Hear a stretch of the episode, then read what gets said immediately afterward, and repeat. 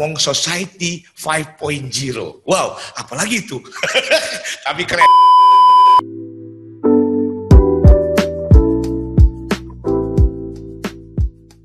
Oke, Assalamualaikum warahmatullahi wabarakatuh, Sobat Tani, pendengar podcast setia Pertanian dan Telo Podcast.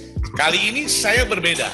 Saya datang ke Jawa Timur, ke BPTP Jawa Timur, dan saya berada di studio Karang Kitri Jawa Timuran Podcast. Wow, dan saya akan langsung ngajak berdiskusi, ngobrol bermakna dengan tamu istimewa yaitu pimpinan Kepala BPTP Jawa Timur Dr. Catur Hermanto.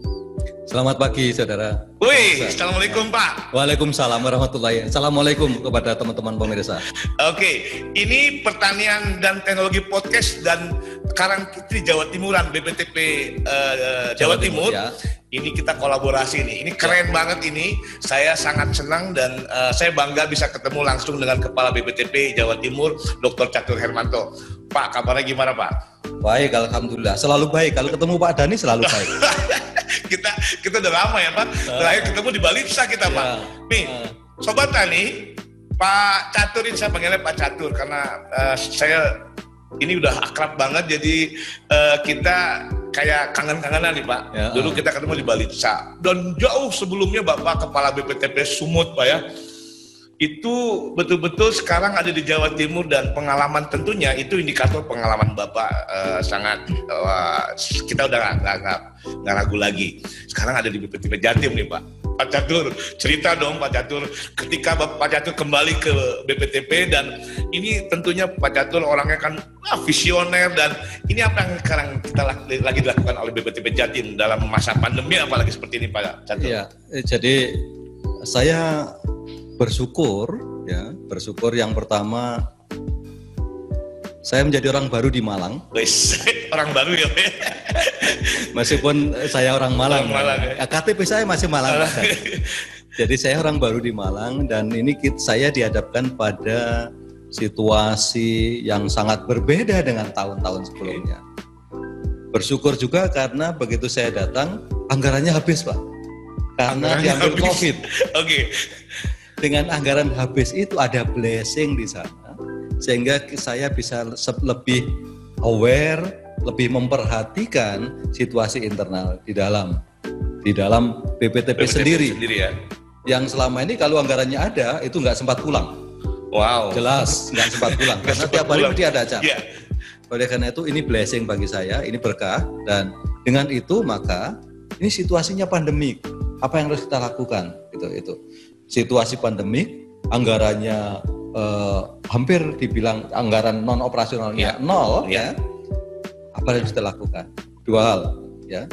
Yang pertama dari sisi research, research. Ya, dari okay. sisi research, teman-teman saya dorong sebesar-besarnya untuk mau melakukan riset mandiri. Oke, okay. riset mandiri, riset mandiri, riset ya. mandiri, dan itu back to basic nih. Oke. Okay. Karena kalau kita menggunakan anggaran yang ada, kita mau nggak mau harus bicara tentang applied research. Applied research. Sementara riset-riset dasar ini banyak kita tunggu tinggalkan, yeah. padahal itu penting. Okay. Penting dilakukan. Nah, teman-teman riset mandiri. Ada yang dilakukan internal, ada yang tiap hari keluar ke seputaran ini tanpa menggunakan anggaran, tidak memerlukan anggaran, tapi bisa keluar ke sekitar sini bisa melakukan pengamatan. Itu dilakukan. Sarana ada. Sarana ada. Iya. Kita sudah dibayar nih. Iya. gaji kita nggak berkurang. Jadi jadi kita sudah dibayar, iya. gaji nggak berkurang sehingga kita tetap bisa melakukan itu. Okay. Saya mengizinkan teman-teman untuk keluar gitu.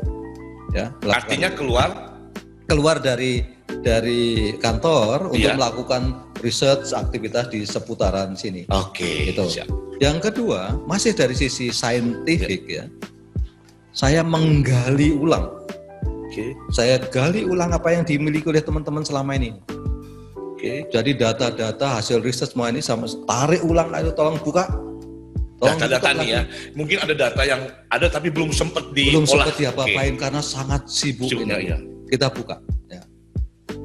Pertama target kita adalah scientific uh, paper untuk di jurnal, paper. ya, okay. di jurnal. Jurnal. Yang kedua, ayo kita bikin scientific book.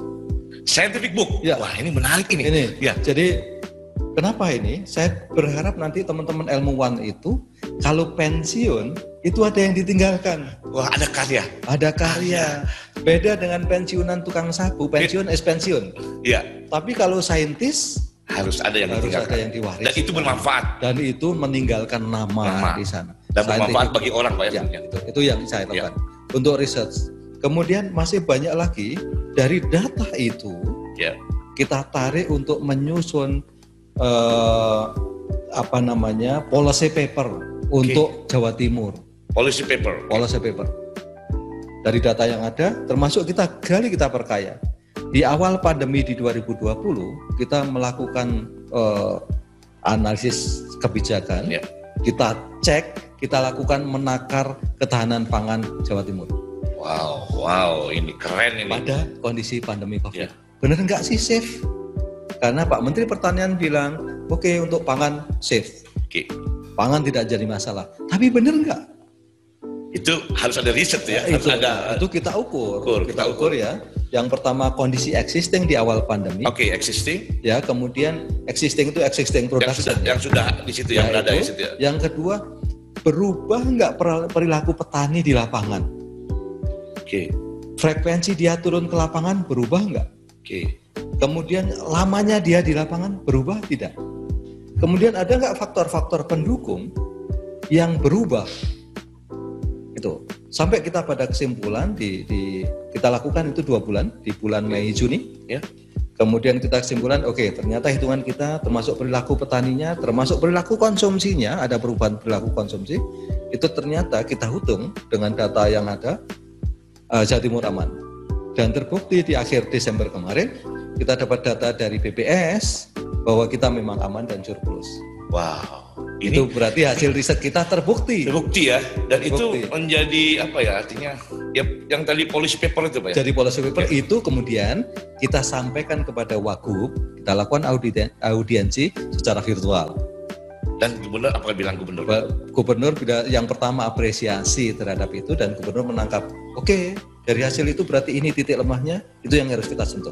Wow, wow, ini bisa dilakukan oleh BPTP lain sebetulnya Pak Catur ya. Jadi bayangkan ketika awal pandemi, biasanya ya. kalau kita melakukan survei, survei selama dua minggu itu paling dapat uh, responden itu paling 50 paling banyak. Oke, okay, okay.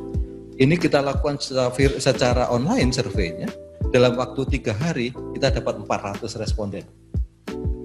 Dalam waktu tiga hari tiga hari 400 responden. 400 responden langsung masuk semuanya dan itu kita langsung dengan dengan dengan aplikasi tertentu kita bisa langsung profiling melakukan profiling terhadap respondennya terhadap respon yang dia berikan terhadap pertanyaan itu itulah kekiniannya dari sudah uh, uh, apa BPT, BPTP Jatim udah Society 5.0 oke okay. Jadi kita sekarang jadi masalah point, virtual. Itu 5.0 sudah Pak. 5.0 karena, karena udah masalah society virtual. 5, karena virtual dan data, big data. Kita udah punya big data dan kita buat kita harus sudah berubah ke sana, Pak. Tuh, itu Sobat Tani baru 4.0 sekarang Pak Catur udah ngomong society 5.0. Wow, apalagi itu. Tapi keren, Pak. Tentunya pada waktu Pak Catur dengan tim BPTP tentunya melakukan itu sumber daya manusianya ada. Di situ Pak Catur kekuatannya ada peneliti, ada penyuluh, ya. Ya. ada lead kayasa, ya. dan ada mungkin didukung dengan perencana lain. Ya. Uh. Dia bagaimana Pak Catur bisa menggerakkan satu tim yang solid itu Pak Catur? Jadi memang uh, kita harus buat konsep dulu yang kuat. Ya. ya kita buat konsep dulu yang kuat, kemudian kita lempar kepada teman-teman, kemudian itu dielaborasi oleh mereka. Oke. Okay.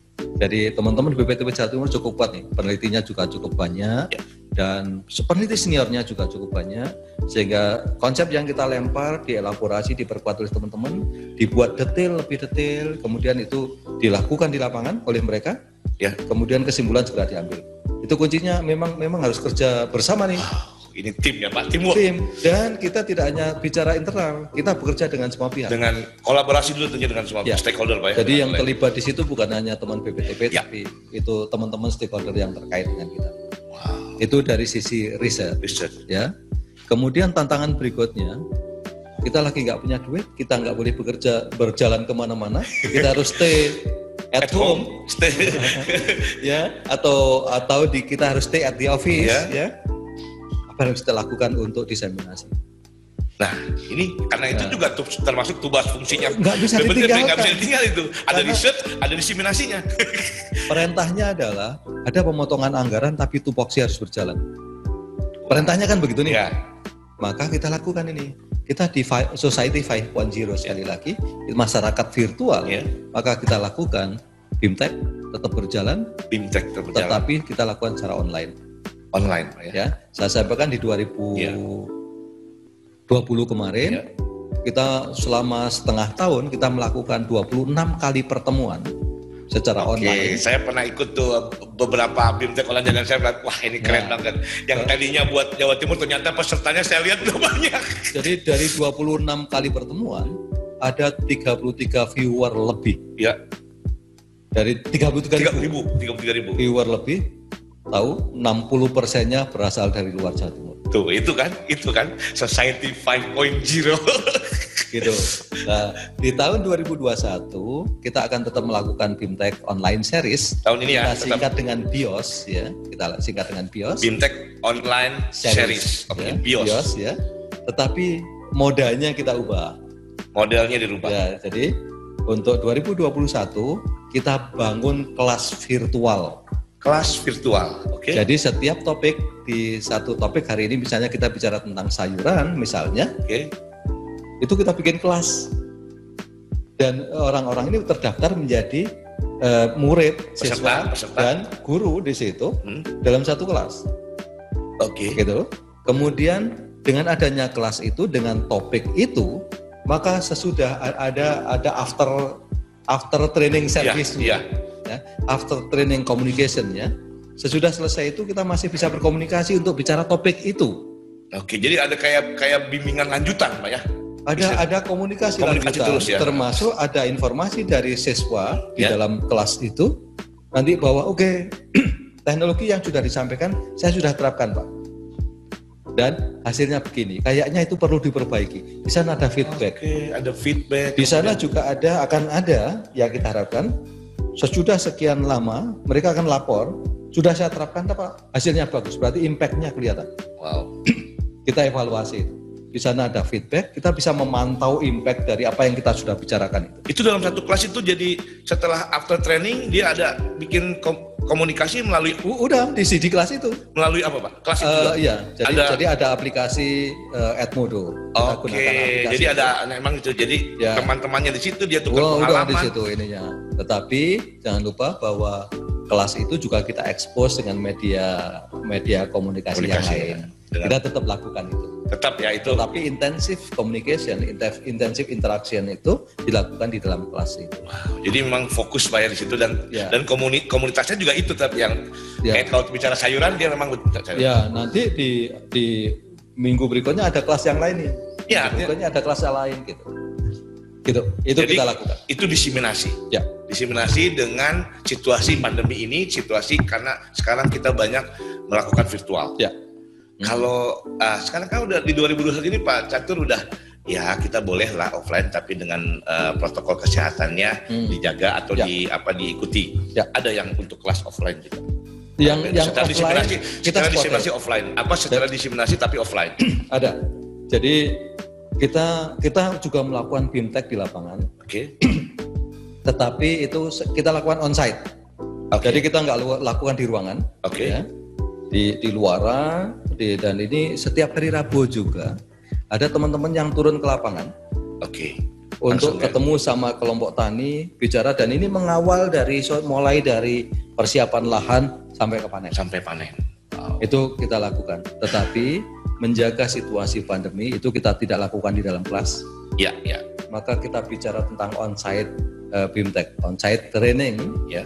Kita mengawal mereka dan ini bagus ini yang kita kawal bukan hanya teknis, tetapi membangun kelembagaan kelompok tani itu menjadi semakin uh, berdaya berdaya guna, ya, ya semakin capable uh, dinamika di dalam kelompok taninya itu semakin bagus, itu kita lakukan. Dan itu memang lebih intensif. Dan itu ketemu. Kalau ada permasalahan di lapangan langsung didiskusikan itu langsung diaplikasikan diselesaikan. Langsung solusi ada juga di situ. Ya. Wow. Gitu itu itu gitu. Jadi tahun 2021 kita ada juga satu kegiatan yang memang Kegiatannya Denfam Padi Khusus, ya. Denfam Padi Khusus ya. Ya, Padi Khusus. Ini tahun 2020 2021. rencananya ya. Kita lakukan di 9 lokasi. Oke. Okay. Itu untuk uh, komunitas padi itu luasannya 10 hektar, Pak. Masing-masing lokasi. Oke. Okay. Masing-masing lokasi. Dari 10 hektar itu kita bagi dua sehingga kita demokan dua teknologi.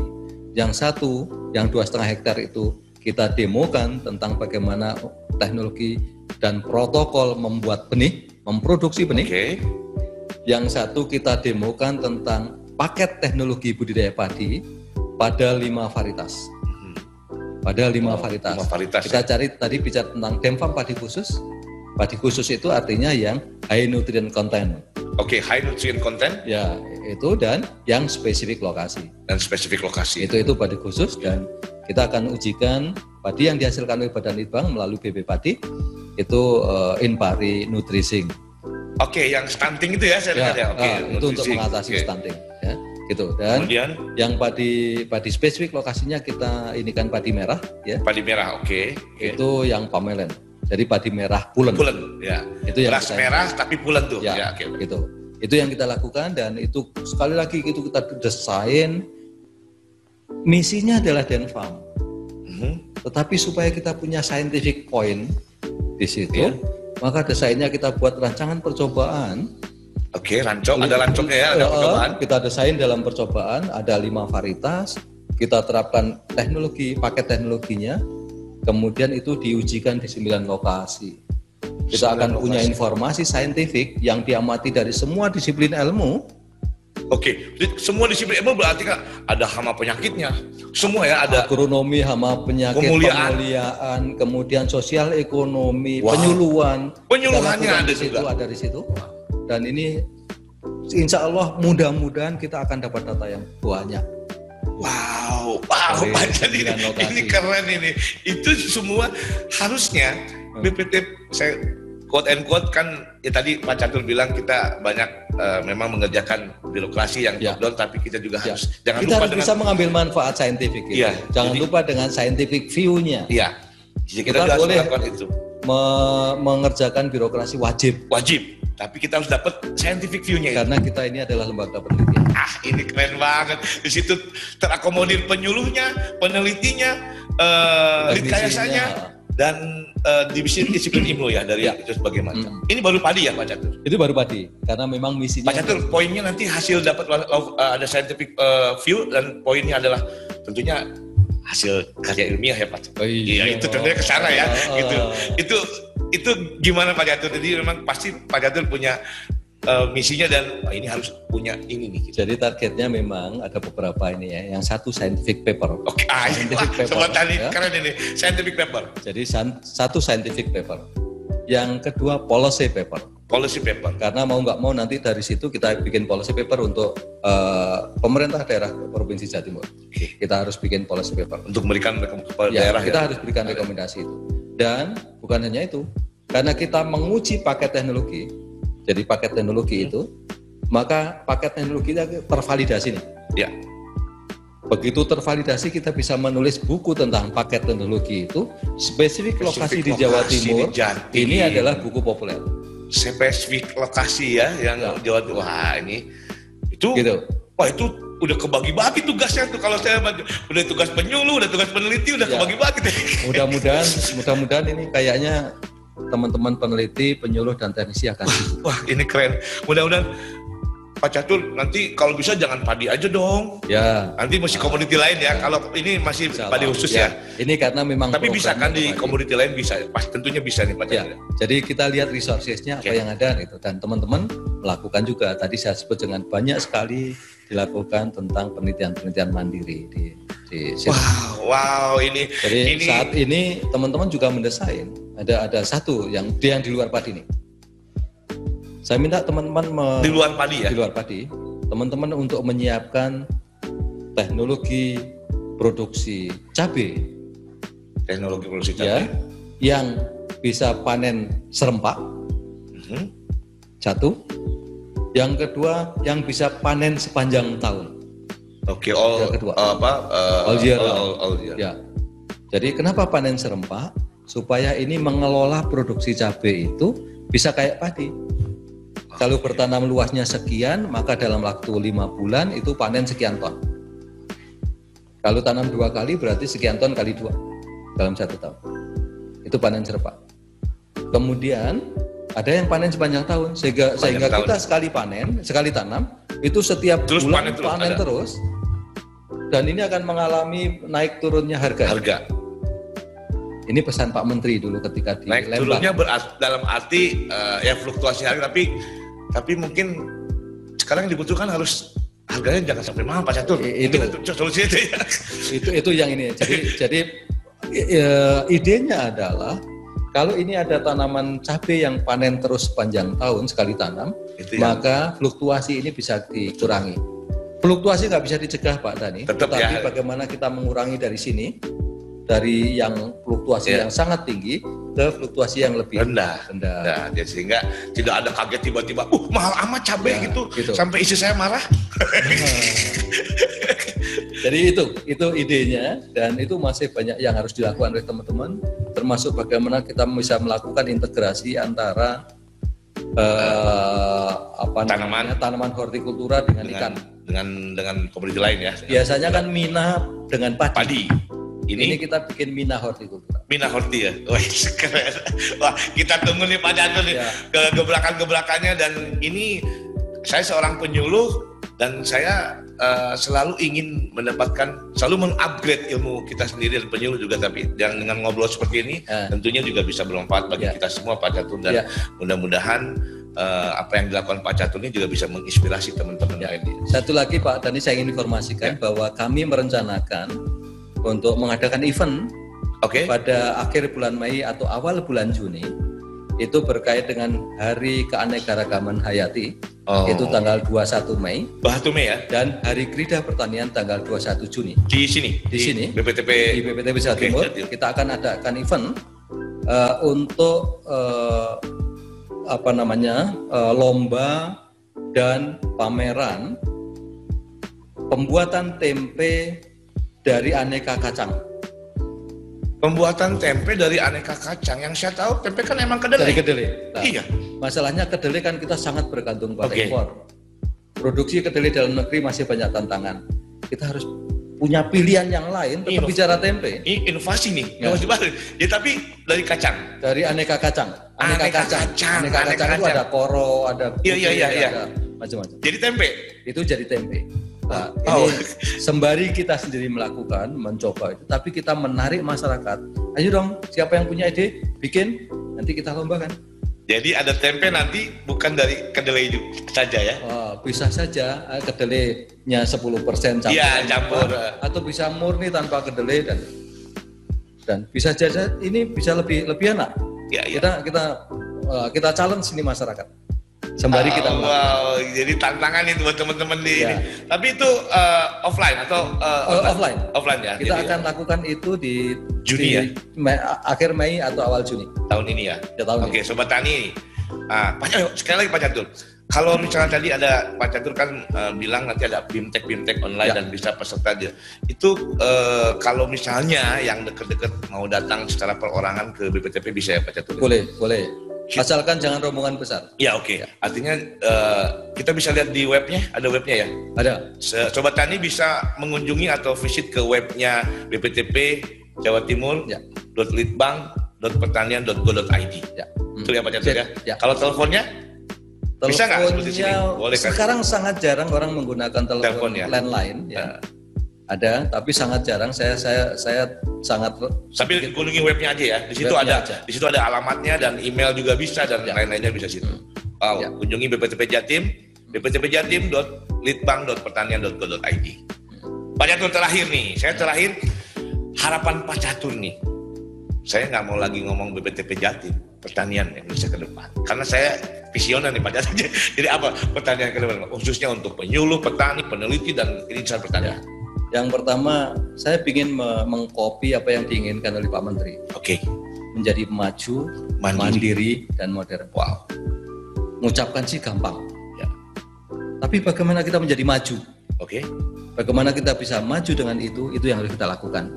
Dan maju berkali-kali Pak Menteri bicara, Pak Presiden bicara bahwa supaya bisa maju maka lead bank dan inovasi harus bekerja dengan baik.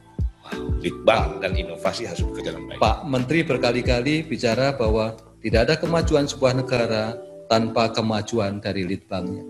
Betul itu. Nah, bicara lead bank di sana ada ada berbagai komponen. Pertama adalah programnya sendiri, programnya sendiri program, nih, ya. program sendiri yang menurut saya harus memang holistik nih. Kita bicara tentang Indonesia, ya. bukan hanya bicara Jawa Timur, ya, bukan hanya bicara Jawa Timur, kita bicara Indonesia. Jadi programnya harus bicara Indonesia, harus ada desain program yang bagus untuk itu. Desain program, ya, desain program yang desain program kemudian muncul ke desain riset kita. Oke. Okay. Ya. Yang kedua tentang tentang orang-orangnya. SDM-nya. SDM. Orang-orangnya. SDM-nya. Ya. SDM kita kalau nggak salah ada 3.000 peneliti. Ya. ya. Saya lupa 2.000 lebih ada sampai, sampai sekarang udah gitu. gitu. SDM kita segitu. Tapi kan ini kapasitasnya macam-macam. Tuh, Visinya macam-macam. Kemudian update knowledge-nya juga macam-macam. Ada yang updated, ada yang wah udahlah kalau sudah yang senior seperti saya itu biasanya alergi kalau sudah diajak bicara tentang teknologi yang lebih gitu. biasanya alergi gitu ini ini harus kita bangun pak ya. jadi penelitinya harus hebat tapi jangan lupa kita bicara tentang PPTP itu research extension linkage Linkages. jangan lupa sama penyuluhnya betul penyuluh juga harus berdaya guna harus bisa harus betul powerful karena riset saja tanpa penyuluh ini kan ya useless jadi ya jadi apa yang kita sudah hasilkan itu susah. Itu itu orangnya. Berikutnya fasilitas infrastruktur. Fasilitas. Ya. Sebentar ke orangnya ya. lagi. Orang dan fasilitas itu kita bisa perkuat bukan sekedar 3.000 orang, bukan sekedar 3.000 hektar uh, lahan perkebunan, per, percobaan. Sekian lab bukan hanya itu. Bagian dari meningkatkan kapasitas SDM dan dan fasilitas ini, termasuk pendanaan ya. di dalamnya, kolaborasi. Kolaborasi. Kolaborasi dengan semua pihak. Harus itu kuncinya. Nah, ya. bicara kolaborasi kayaknya ini memang kita harus punya harus punya apa namanya konsep yang sangat kuat. Ya, harus punya konsepnya di sini. Ya, kita harus punya konsep dulu konsep, nih. Ya. Baru konsep itu ditawarkan ke orang, dielaborate di sana, ya. diperkaya dan seterusnya, baru itu menjadi sebuah program yang bagus. Tapi kita sendiri harus punya konsep yang kuat. Tanpa itu kita nggak mungkin bisa ngajak orang. benar, benar Pak. Wah. Nah, kalau kita sendiri nggak punya konsep yang kuat, bagaimana kita mau ngajak orang, memprovokasi, memprovokasi ya. orang untuk melakukan apa yang kita inginkan. Wow, wow. Itu penting Pak Dani. Dan ini tantangan bagi Pak Dani. kita semua Pak, bagi kita semua Pak. Oke, Pak Jatuh, Sobat Dani, saya senang sekali ini eh, singkat tapi bermakna dan isinya daging semua nih. Dagingnya wagyu lagi Pak. Oke Pak Jatuh terima kasih nih obrolannya. Mudah-mudahan nih pertanian dan teknologi podcast dan Karang Kitri Jawa Timuran podcast yang dimiliki oleh BPTP Jatim. Ya. Kita bekerja sama. Saya, saya ingin sampaikan dulu sedikit ya. ini. Ini, nah, ini Karang, Karang Kitri Jawa Timuran nah. ya. Kenapa namanya Karang Kitri? Okay. Karang Kitri itu adalah pekarangan yang berisi, berisi kitri. Kitri itu sebenarnya konotasinya adalah hortikultura hortikultura ya. Kitri itu tanaman-tanaman yang ini kan yang itu karakteristik hmm. hortikultura. Makanya tapi kita bicara sebenarnya adalah pertanian secara umum. Ya. Jadi Karang Kitri Jawa kemudian Jawa Timuran. Kenapa Jawa Timuran? Jawa beda dengan Jawa Timur. Kalau Jawa Timur adalah batas wilayah administratif ya. itu Jawa Timur. Ya. Tapi kalau Jawa Timur adalah karakteristik ala Jawa Timur. Orang Jawa apa ala Jawa Timur ala ya. Jawa Timur. ya. Harus punya pertanian dengan karakteristik ala Jawa Timur itu bisa diterapkan di mana saja di seluruh Indonesia, si. bahkan keluar dari Indonesia. Wow, Karang Kitri Jawa Timuran. Wah, ini ini pengalaman saya bisa berkolaborasi dengan Karang Kitri Jawa Timuran, BPTP Jawa Timur. Pak Catur sekali lagi terima kasih dikasih kesempatan di studio ini dan mudah-mudahan ini bermanfaat dan uh, kita ketemu Amin. lagi. Amin. Dan suatu ketika kita saya ke sini lagi dan saya akan ngobrol di sini tentang ya. topik lain. Sip tentunya bisa menginspirasi dan bermanfaat bagi orang lain. Amin, amin. Terima kasih. Ya. Sehat Pak. Sehat. Kita udah Tetap jaga sehat. jarak nih Pak ya. ya Jadi kita sehat. Tapi kita boleh tos. Tos. Ya. Oke. Okay. Okay. Sobat Tani, Demikian obrolan saya dengan Dr. Catur Hermanto, Kepala BPTP Jawa Timur. Dengarkan terus podcast saya, Pertanian dan Teknologi. Salam Pertanian.